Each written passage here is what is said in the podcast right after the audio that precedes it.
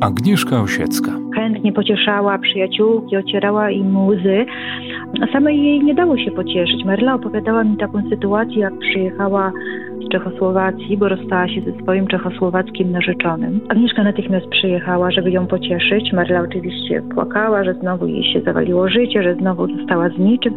Na co Agnieszka, nie martw się, napiszę ci piosenkę. Rozmowa z Beatą Biały, autorką książki Osiecka Tego o mnie nie wiecie. Zawiózł Agnieszkę na Saską Kłębę, siedzieli jeszcze w samochodzie, chwilę rozmawiali i w pewnym momencie Agnieszka zapytała, czy mógłby z nią zamieszkać. Jacek Mikuła początkowo zwalił to na karp, że przesadziła trochę może z winem, jak to na imprezie wszyscy, a później pomyślał sobie, musiała być bardzo samotna, że o coś takiego poprosiła. Halo? Kultura. Gościem Radia Lublin jest Beata Biały, autorka książki Osiecka Tego o mnie nie wiecie. Dzień dobry, kłaniam się nisko. Dzień dobry.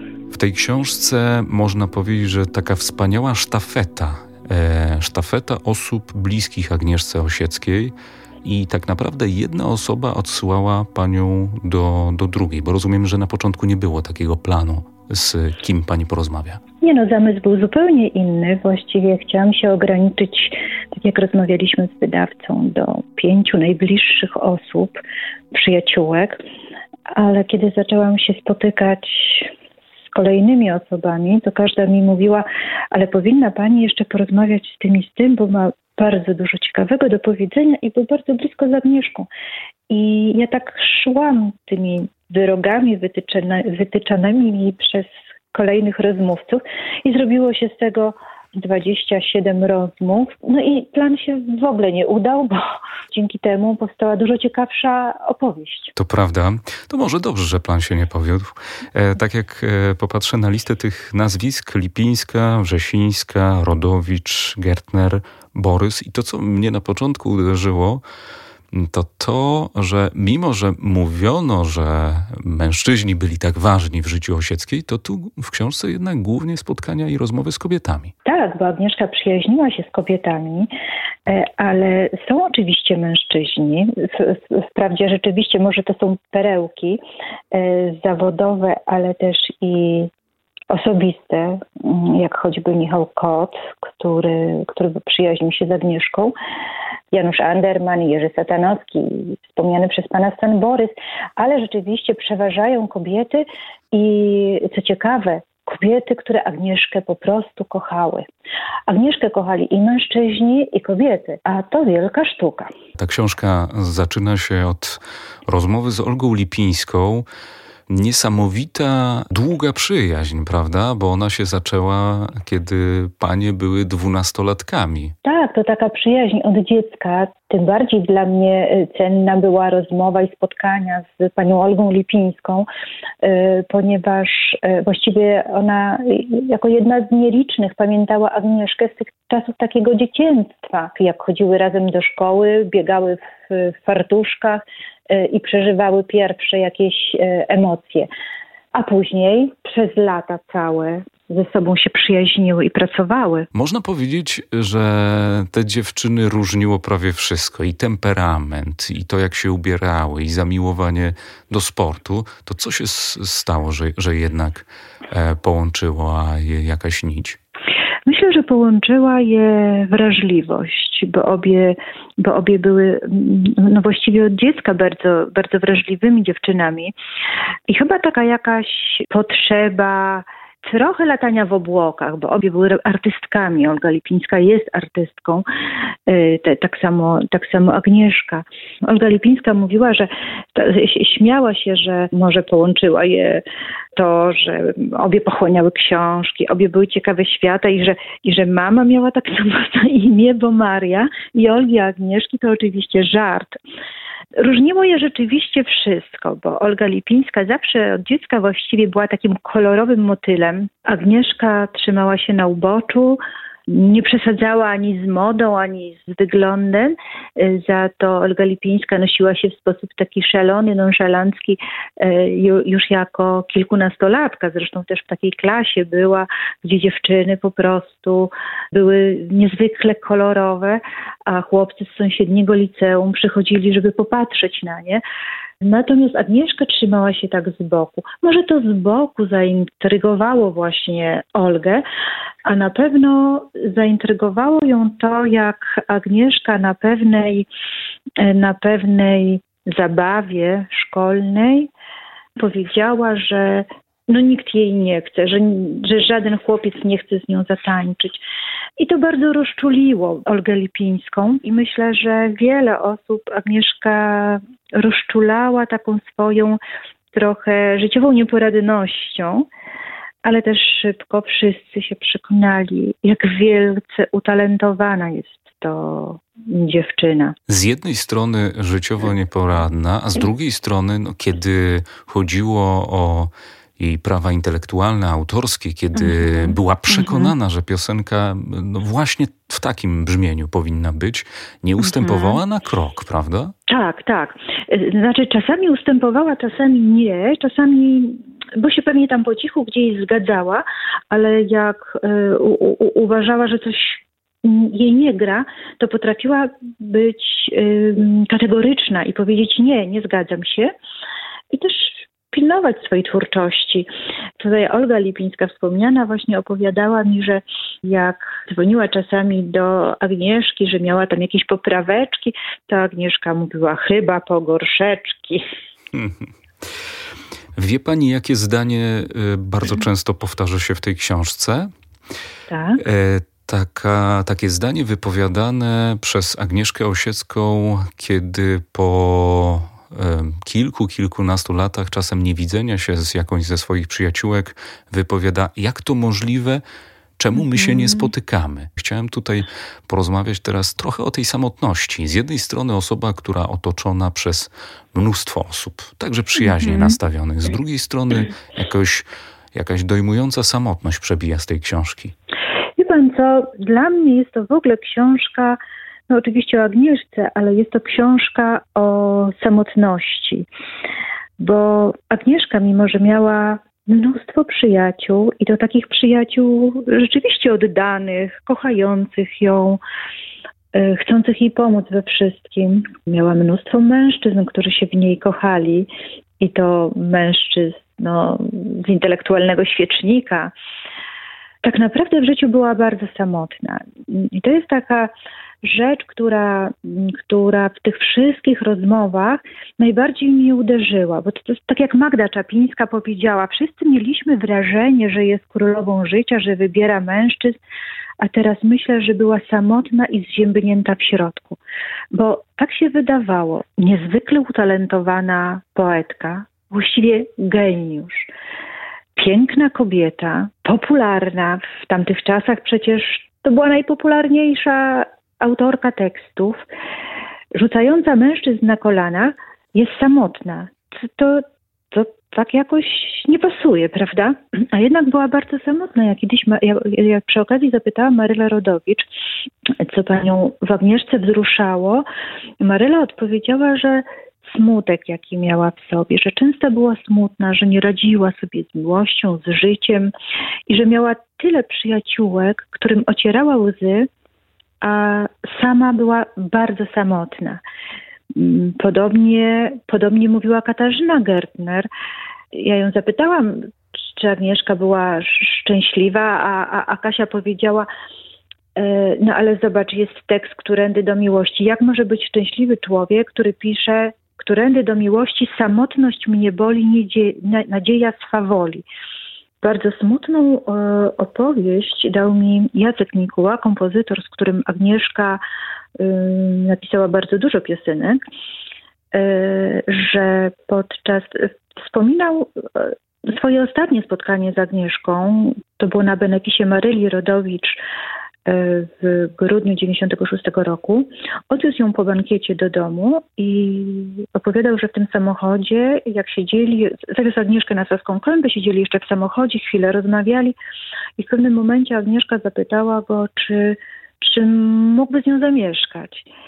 Jacek Mikuła początkowo pomyślał, zwalił to na karp, że przesadziła trochę może z winem, jak to na imprezie wszyscy, a później pomyślał sobie, że musiała być bardzo samotna, musiała się bardzo źle czuć ze swoją chorobą, że o coś takiego poprosiła. Zresztą Manuela Gretkowska, która też y, y, jest jedną z, z moich rozmówczyń w książce Agnieszce, opowiadała mi, jak na bankiecie, który Manuela była wtedy zastępcą redaktor naczelnej nowo wchodzącego tytułu L na polski rynek i organizowali taki bankiet z wielkim pokazem mody, pierwszym prawdziwym, to było 90 chyba piąty. To był 95 rok, rok, tak. I Manuela opowiadała mi, że Agnieszka przyszła na ten bankiet sama i wyszła sama. I że była bardzo smutna. Więc yy, i te opowieści o takim smutku właściwie mi się cały czas y, przeplatały w rozmowie ze wszystkimi o takiej samotności. Powiem pani, że ta scena z pokazu L dla mnie jest mm. właśnie najbardziej dojmującą w tej książce, Prawda? kiedy unaoczniam sobie i widzę to, jak stoi sama i obserwuje mm -hmm. i nikt mm -hmm. do niej nie podchodzi na tym pokazie. No właśnie, to, to, to, tak to było. I właśnie Manuela powiedziała, że latami była gwiazdą, a jej został w pamięci ten obrazek, jak ona przychodzi sama, sama stoi i sama wychodzi. A przecież y, tam było mnóstwo znanych ludzi, którzy pewnie też znali Agnieszkę. Wszyscy mi też mówili, że Agnieszka nie dzieliła się swoimi problemami, że bardzo chętnie pomagała innym. To tak jak Maryla opowiadała, że chętnie pocieszała przyjaciółki, ocierała im łzy, a samej jej nie dało się pocieszyć. Maryla opowiadała mi taką sytuację, jak przyjechała Czechosłowacji, bo rozstała się ze swoim czechosłowackim narzeczonym.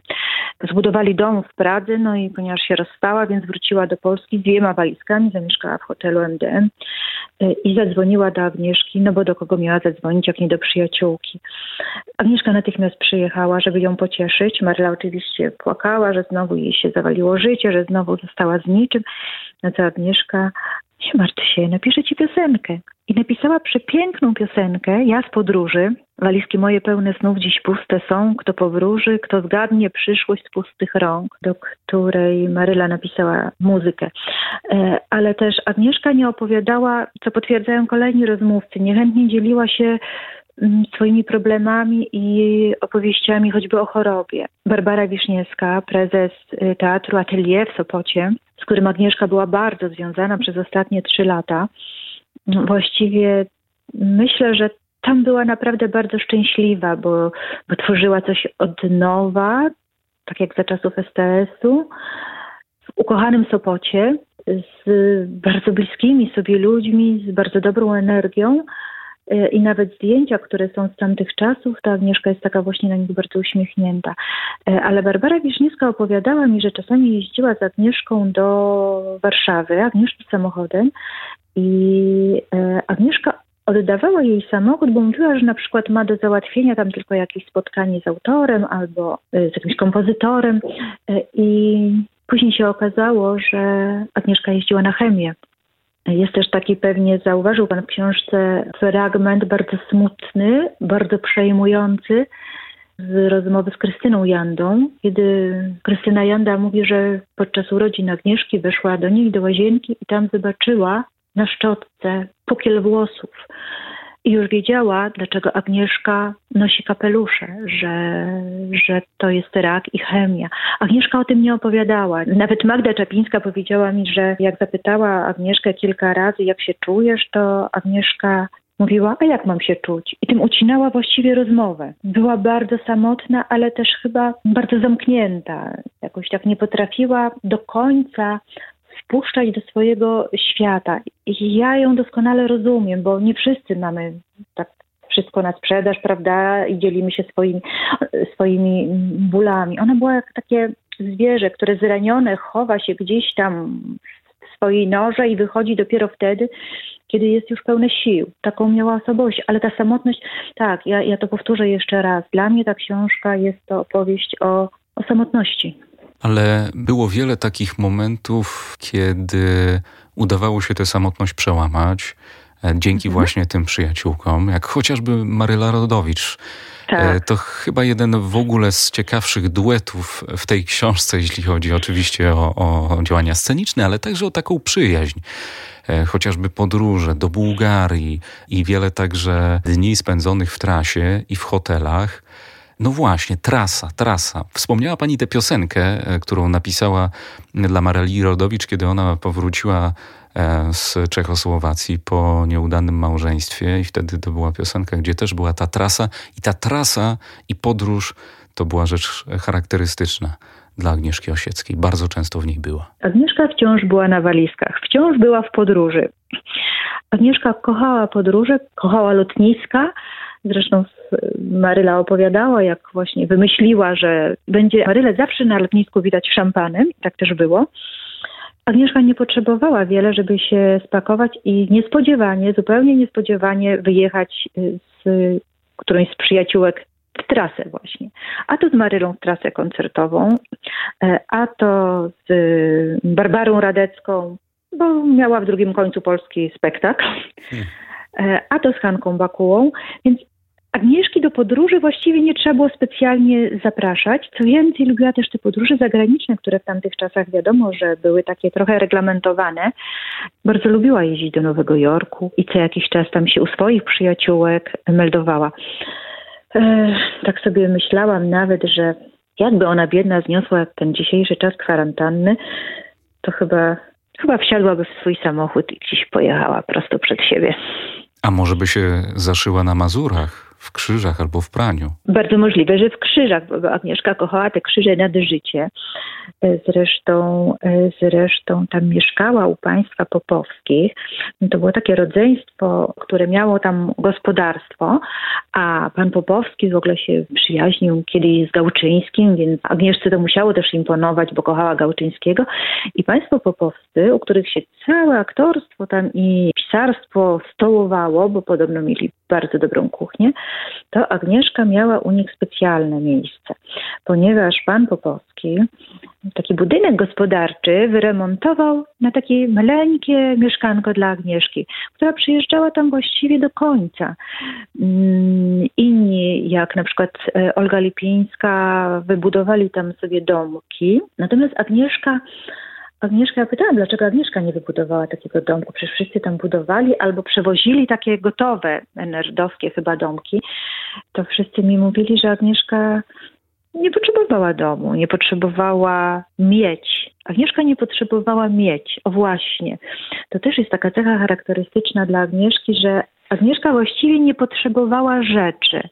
Ją fascynowała rozmowa i bez niej nie mogłaby pewnie żyć, natomiast y, kompletnie nie potrzebowała rzeczy, ona te rzeczy rozdawała. To ja opowiem taką fajną anegdotę, którą mi opowiedziała Ula Dudziak, jak Agnieszka przyjechała do niej do Nowego Jorku. To był czas emigracji i Ula wyprowadziła się właśnie do, do, do Stanów z ówczesnym mężem Michałem Urbaniakiem i przyjechała Agnieszka w odwiedziny. Agnieszka była w przepięknym, długim do ziemi czarnym kożuchu i Ula była zachwycona. Nie potrafiła ukryć tego zachwytu i powiedziała: Agnieszka, jak pięknie wyglądasz w tym kożuszku. Na co Agnieszka zdjęła kożuszek i powiedziała: Tak, to proszę. Hmm.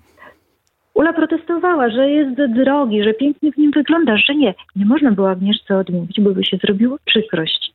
Agnieszka powiedziała tylko: Daj mi jakiś stary płaszcz.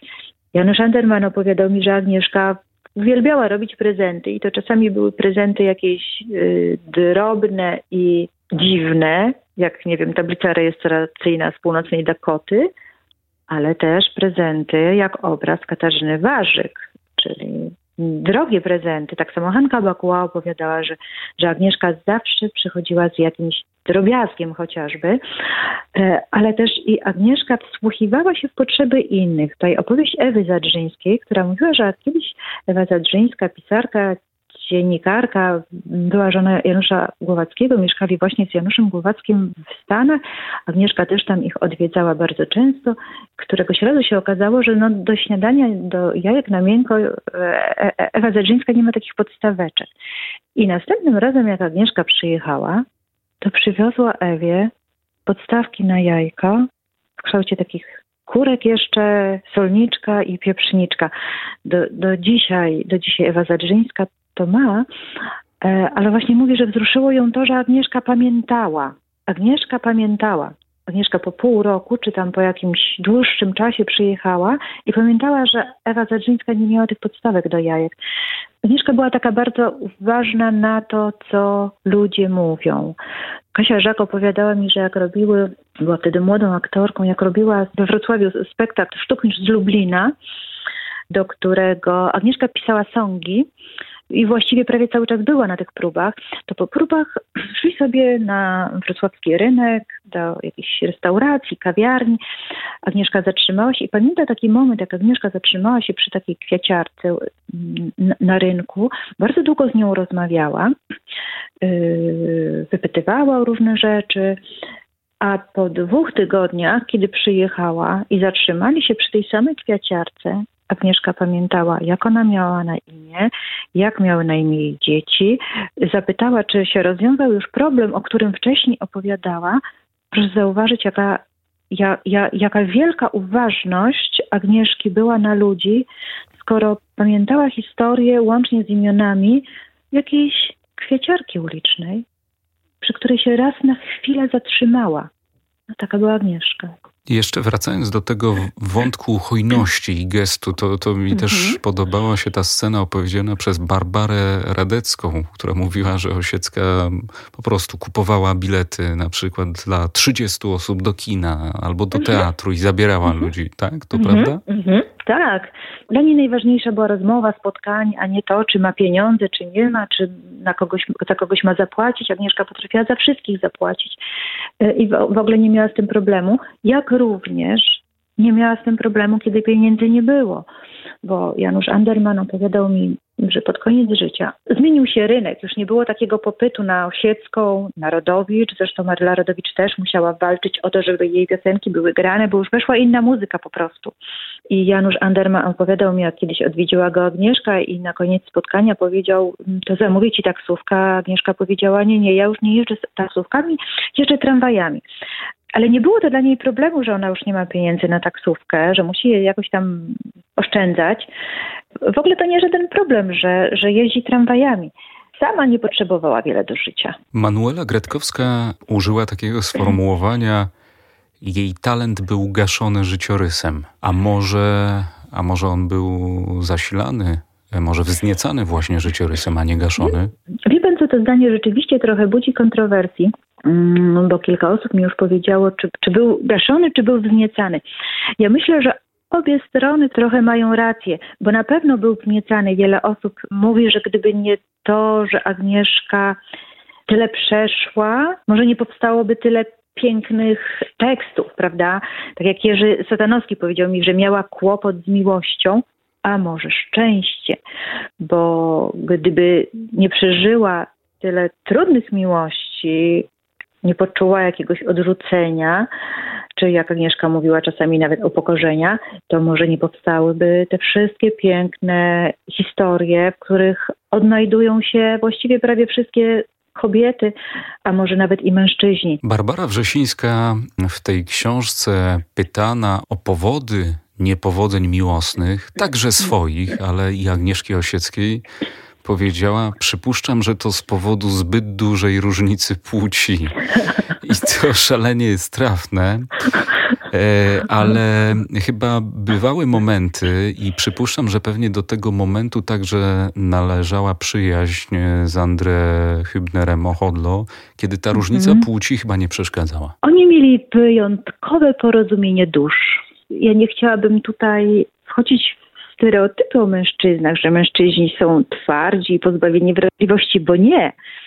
Natomiast Andreo Chodlo, bo ja, ja z nim rozmawiałam kilka razy, jest niezwykle wrażliwym i czułym mężczyzną. jest niezwykle uważny na to, jak mówi, co mówi.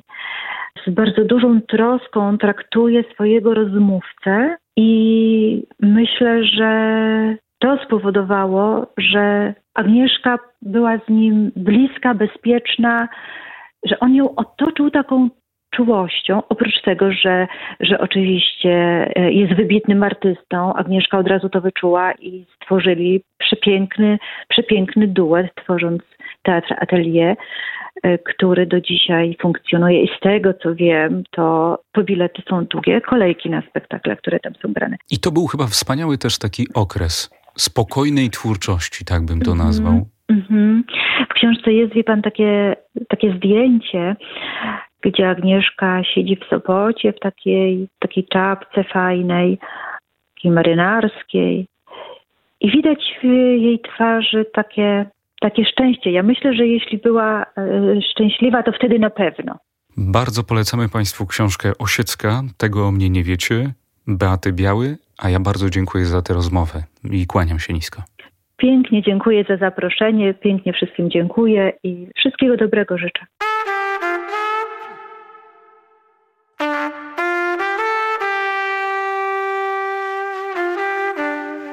Halo? Kultura.